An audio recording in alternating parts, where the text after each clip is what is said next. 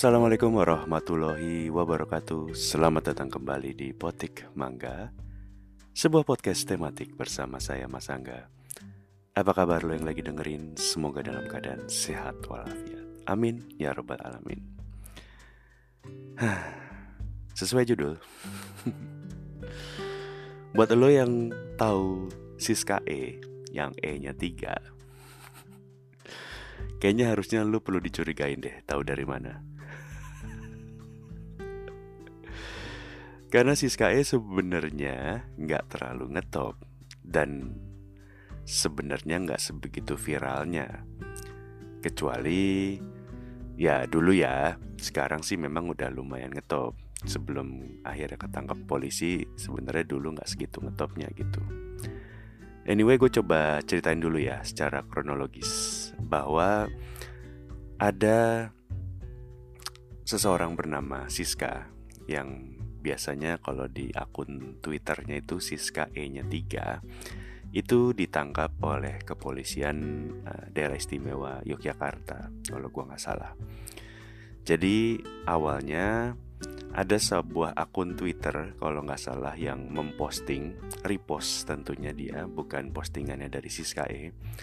Akun Twitter ini repost uh, postingannya Siska E di-upload ulang akun eh gimana? Salah gua ngomongnya jadi ada sebuah akun Twitter dia bukan akunnya Siska E tapi dia memposting ulang postingannya Siska E di akun OnlyFans-nya Siska E.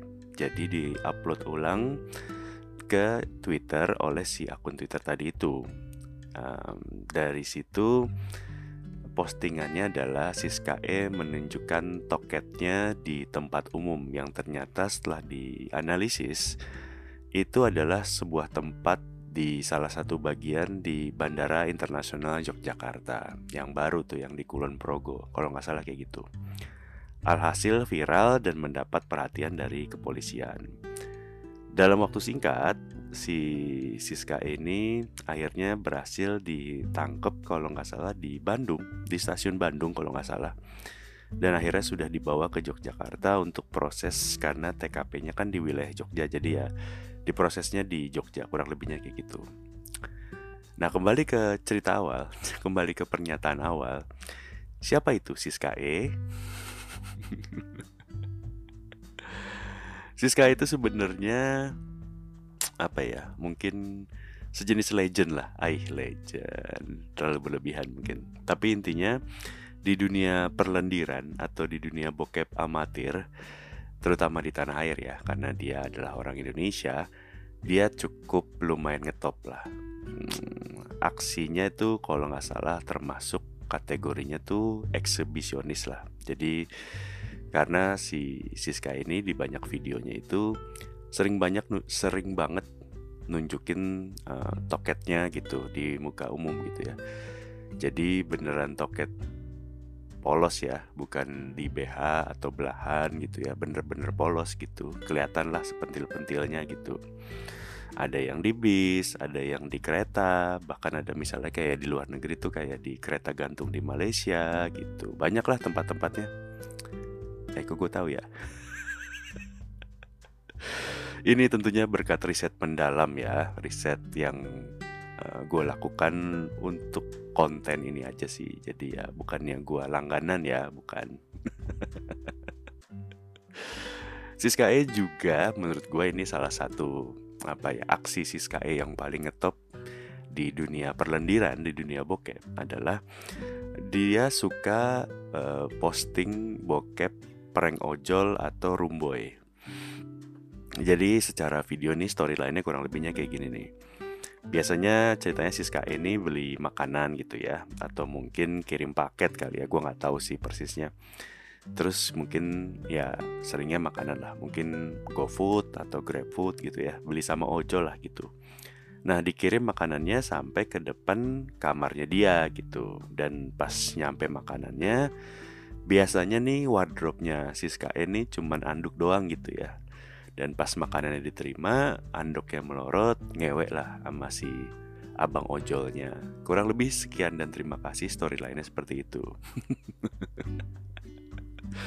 Bedanya cuman biasanya beda tempat hotel beda wilayah beda abang ojeknya kurang lebihnya kayak gitu sih. Ya gue yakin sih ini cukup legend ya prank ojol ngewe sama Siska ini di kalangan abang-abang ojol. Yakin gue gue yakin ya paling gak adalah satu dua abang ojol gitu ya yang ketika dapat orderan atas nama Siska dan ternyata nganternya ke hotel, ke apartemen atau ke kosan gitu ya. Berharap sih yang bukain ada mbak-mbak toket gede pakai anduk doang gitu. Menurut gue sih gitu ya, adalah pasti satu dua abang-abang yang berharap seperti itu gitu ya. Tapi ya nggak sedikit juga yang bilang kalau itu settingan, karena memang apa ya? Di dunia perkontenan ya, terutama konten video porno, apa sih yang nggak disetting gitu ya? Konten biasa aja bisa disetting, apalagi ini konten video porno gitu ya. Ada yang bilang ini pasti sudah diatur karena abang-abangnya pasti bukan ojol beneran gitu ya. Memang udah aktor atau misalnya ya memang udah janjian buat ngewe, buat bikin bokep gitu ya. Karena toh beli jaket ojol pun sekarang udah banyak di e-commerce dan lagian bisa apa ya bisa lah lo bikin atau buat atau pinjem gitu kalaupun lo nggak mau beli. Intinya sih ya nggak mungkin abang ojol beneran lah nggak mungkin se tidak diatur itu gitu kurang lebihnya. Bagian kok ada yang bilang kok bisa sih abang ojol nganter sampai ke depan kamar karena biasanya kan kalau lo bicara hotel atau apartemen tuh biasanya cuma sampai apa ya cuman sampai lobby gitu kurang lebihnya ya ya ini lagi-lagi berdasarkan riset ya bukan berdasarkan nonton langsung gitu ya. Tapi emang bokep secara storyline ya kalau lu pemerhati dan pengamat bokep gitu ya. Itu memang ceritanya aneh-aneh dan menurut gue ya memang gak ada yang beneran gitu bohong lah. Dalam kehidupan asli ya ngewe tuh nggak kayak di bokep-bokep gitu nggak ada tuh ketemu langsung ngewe gitu. Kan banyak tuh kalau di bokep-bokep terutama yang di luar negeri di Amerika gitu misalnya. Bokepnya ceritanya tukang ledeng, tukang kebun, tukang bersih-bersih gitu ya. Tiba-tiba ngewe sama majikannya. Menurut gue sih itu kayak nggak um, mungkin kayaknya di kehidupan nyata gitu ya. Atau kayak lo tahu mungkin bokep fake taxi gitu ya di mana supir taksi ngewe sama penumpangnya yang secara ikhlas barter sewa taksi bayar argonya dibayar sama ngewe gitu ya. Kayaknya nggak ada deh di dunia nyata gitu ya. Gue yakin amatir amatirnya video bokep gitu judulnya pasti settingan gitu. Ya menurut gue sama kayak Siska E gue bagian dari yang percaya kalau ini sekedar settingan. Karena gue yakin Siska ini tahu pasarnya. Pasarnya adalah orang Indonesia pasarnya ya paling relate adalah misalnya ya adegan mengantar makanan dan berakhir dengan ngewe gitu ya. Ya makanya video yang dia bikin bisa viral di pasaran bisa laku lah di pasaran gitu ya. Ya mungkin lo juga bertanya emang Siska E jualan bokep? Hmm, bahasa yang tepatnya bukan jualan bokep sih. Jadi gini teman-temanku para pendengar potik mangga yang budiman jika lo tidak tahu atau mungkin lo saat ini pura-pura tidak tahu karena mendengarkan ini bersama pasangan lo, gue ceritakan ada sebuah website bernama OnlyFans. OnlyFans, nggak usah lo search sekarang karena kecuali lo pakai VPN, website OnlyFans itu diblok sama Kominfo Republik Indonesia. Jadi nggak perlulah lo search. OnlyFans itu apa? OnlyFans itu adalah secara singkat OnlyFans itu sebenarnya sejenis YouTube sebuah platform di mana lo bisa upload konten video lo atau foto lo yang berbentuk video kurang lebihnya kayak gitu. Tapi bedanya sama YouTube, OnlyFans tidak membatasi kontennya. Jadi lo boleh upload video porno, lo boleh upload foto telanjang lo uh, sampai ngewe sekalipun ya boleh di OnlyFans gitu. Dan buat lo yang saat ini pengen menonton OnlyFans gitu ya uh, OnlyFans itu sama kayak banyak layanan video streaming apa pun baik YouTube, Netflix misalnya atau apa pun itulah lo sekarang harus berlangganan bayar per apa namanya per konten Beda kayak misalnya Netflix atau YouTube yang lo bisa bayar per bulan untuk keseluruhan konten. Kalau gua nggak salah di OnlyFans itu lo harus bayar per konten kreator atau per channel. Jadi misalnya lo mau nonton video si A yo lo bayar sekian dolar, lo bayar. Kalau lo mau nonton si B ya lo bayar lagi gitu. Jadi ya gitulah kurang lebihnya. Karena memang sebenarnya OnlyFans itu bukan situs porno. OnlyFans itu sebenarnya ya YouTube, mirip YouTube, platform untuk para kreator untuk posting video mereka. Bukan kayak misalnya situs porno kayak apa ya, Pornhub gitu misalnya atau Fake Taxi gue bilang tadi itu kan sebenarnya memang situs porno beneran yang diluncurkan oleh si production house lah PH uh, eh, Pornhub itu kan sejenis PH uh, uh, apa ya yang membuat situs video porno gitu kurang lebihnya. Nah kalau OnlyFans ini memang sebenarnya awalnya dikhususkan, eh awalnya tidak dikhususkan, bahkan sampai sekarang pun tidak dikhususkan untuk video porno. Tapi karena dia tidak melarang orang untuk memposting video pornonya, ya akhirnya jadi banyak para konten kreator video porno beralih ke sana gitu. Ya OnlyFans ini baru jadi ngetop buat tempat kreator karena memang uh, pandemi sebenarnya. Pandemi 2020 itu membuat industri bokep ya dan juga pon apa tadi OnlyFans ya jadi semakin melejit gitu ya. Akibat karantina orang nggak boleh ke mana-mana tempat prostitusi ditutup striptis ditutup orang nggak bisa ketemu orang lain buat ngewe. Ya hasil pada di rumah buat coli colinya pakai apa ya? Colinya pakai video bokep. Ya ini gue ngomongin di Amerika ya bukan di Indonesia. Ya di Indonesia kan ya nggak ada prostitusi nggak ada striptis dilarang hukum semua itu. Bokep juga nggak ada. Jadi ya ini bukan di Indonesia tapi di Amerika. Apalagi coli di rumah pakai bokep kayaknya di Indonesia tuh nggak ada. Karena kan situs bokepnya di blok sama kominfo ya. Jadi ya mana ada yang coli pakai bokep nggak ada lah ini konteksnya Amerika ya atau di luar negeri yang melegalkan pornografi dan prostitusi. Konon di Amerika kalau nggak salah itu valuasi industri bokep itu sekitar 12 billion dolar Amerika atau 12 miliar dolar Amerika. Dan OnlyFans tadi kan gue bilang kalau lo mau nonton lo ada subscription fee per bulan per konten kreator itu kalau gue nggak salah harganya sekitar 4,99 dolar atau 5 dolar lah paling murah. Atau sekitar berapa? Kalau 14 ribu kali 5 dolar sekitar 70 ribuan lah. 70 ribu rupiah per bulan. Untuk satu konten ya untuk satu kreator gitu. Misalnya lo mau lihat tadi video si A yo lo bayar 5 dolar. Kalau lo mau lihat si B lo nambah lagi 5 dolar. Jadi bukan 5 dolar untuk melihat keseluruhan konten gitu ya. Jadi ya 5 dolar pun kalau nggak salah minimal minimal para kreator itu ngecas untuk subscription fee itu 5 dolar ada yang sampai paling gedenya tuh kalau nggak salah di 49,99 dolar alias ya 50 dolar kembali satu sen lah.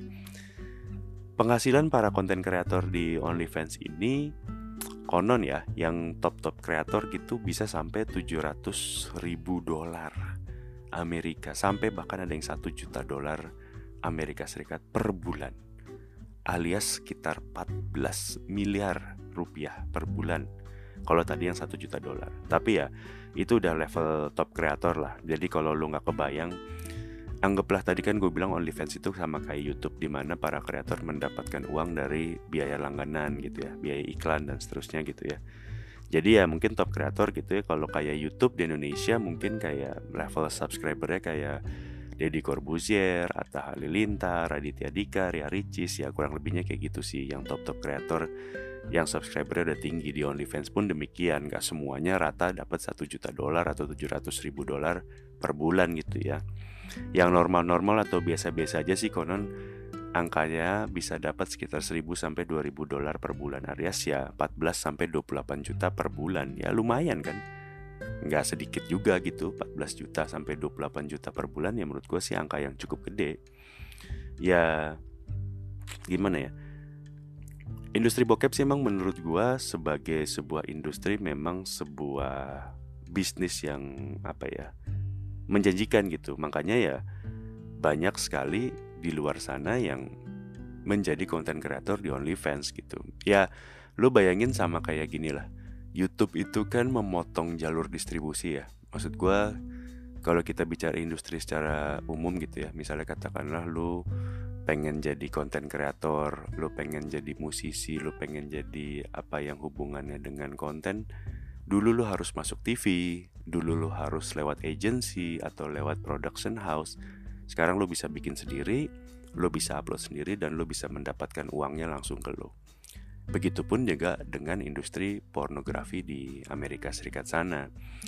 Banyak artis-artis baru yang ketimbang mereka masuk ke PH mendapat potongan ini itu ya langsung mereka ke porn eh ke Pornhub, ke OnlyFans dan mendapatkan duitnya langsung gitu. Kurang lebihnya kayak gitu. Dan beda sama kayak prostitusi yang menjual tubuh lo untuk seks. Ini dia menjual konten. Artinya uh, lo nggak ngewe sama orang asing yang bayar lo gitu ya. Kalau prostitusi kan konsepnya seperti itu ya. Lo menjual jasa seks dan lo dibayar atas jasa lo. Tapi uh, OnlyFans ini ya lo buat video lagi seks, lagi ngewe dengan orang lain yang lo pilih gitu ya. Artinya bukan orang yang asing-asing banget sih, harusnya ya alias memang udah janjian, udah baca skenario, udah reki, bahkan mungkin udah workshop, udah latihan, udah kenal. Jadi bener-bener bukan orang asing dan habis itu baru lo upload. Ya memang layaknya konten kreator di mana pun hasilnya tentu tidak instan ya. Lo mungkin butuh beberapa konten buat sampai lo akhirnya terkenal dan ya uh, gue yakin persaingan pun di mana-mana sama ya uh, terutama juga mungkin kalau gue lagi ngomongin sekarang industri pornografi ya semua orang dengan konten yang mirip-mirip gitu pasti kan persaingannya lebih ketat lagi. Artinya ya nggak semuanya bisa jadi top kreator gitu. Artinya um, walaupun menurut lo mungkin ini adalah sebuah pekerjaan gampang ya elah gampang. Tinggal ngewe posting dibayar tinggal ngewe posting dibayar. Kalau lu ada di sebuah industri yang isinya semua video orang ngewe artinya lu harus tampil beda lu harus tampil konsisten lu harus tampil sempurna supaya lu bisa jadi top kreator demi mendapat penghasilan bulanan sampai 1 juta dolar per bulan kebayang gak lu dan apa ya Uh, bayangin juga ada uang di sebuah industri di Amerika ada sekitar 12 miliar dolar Amerika.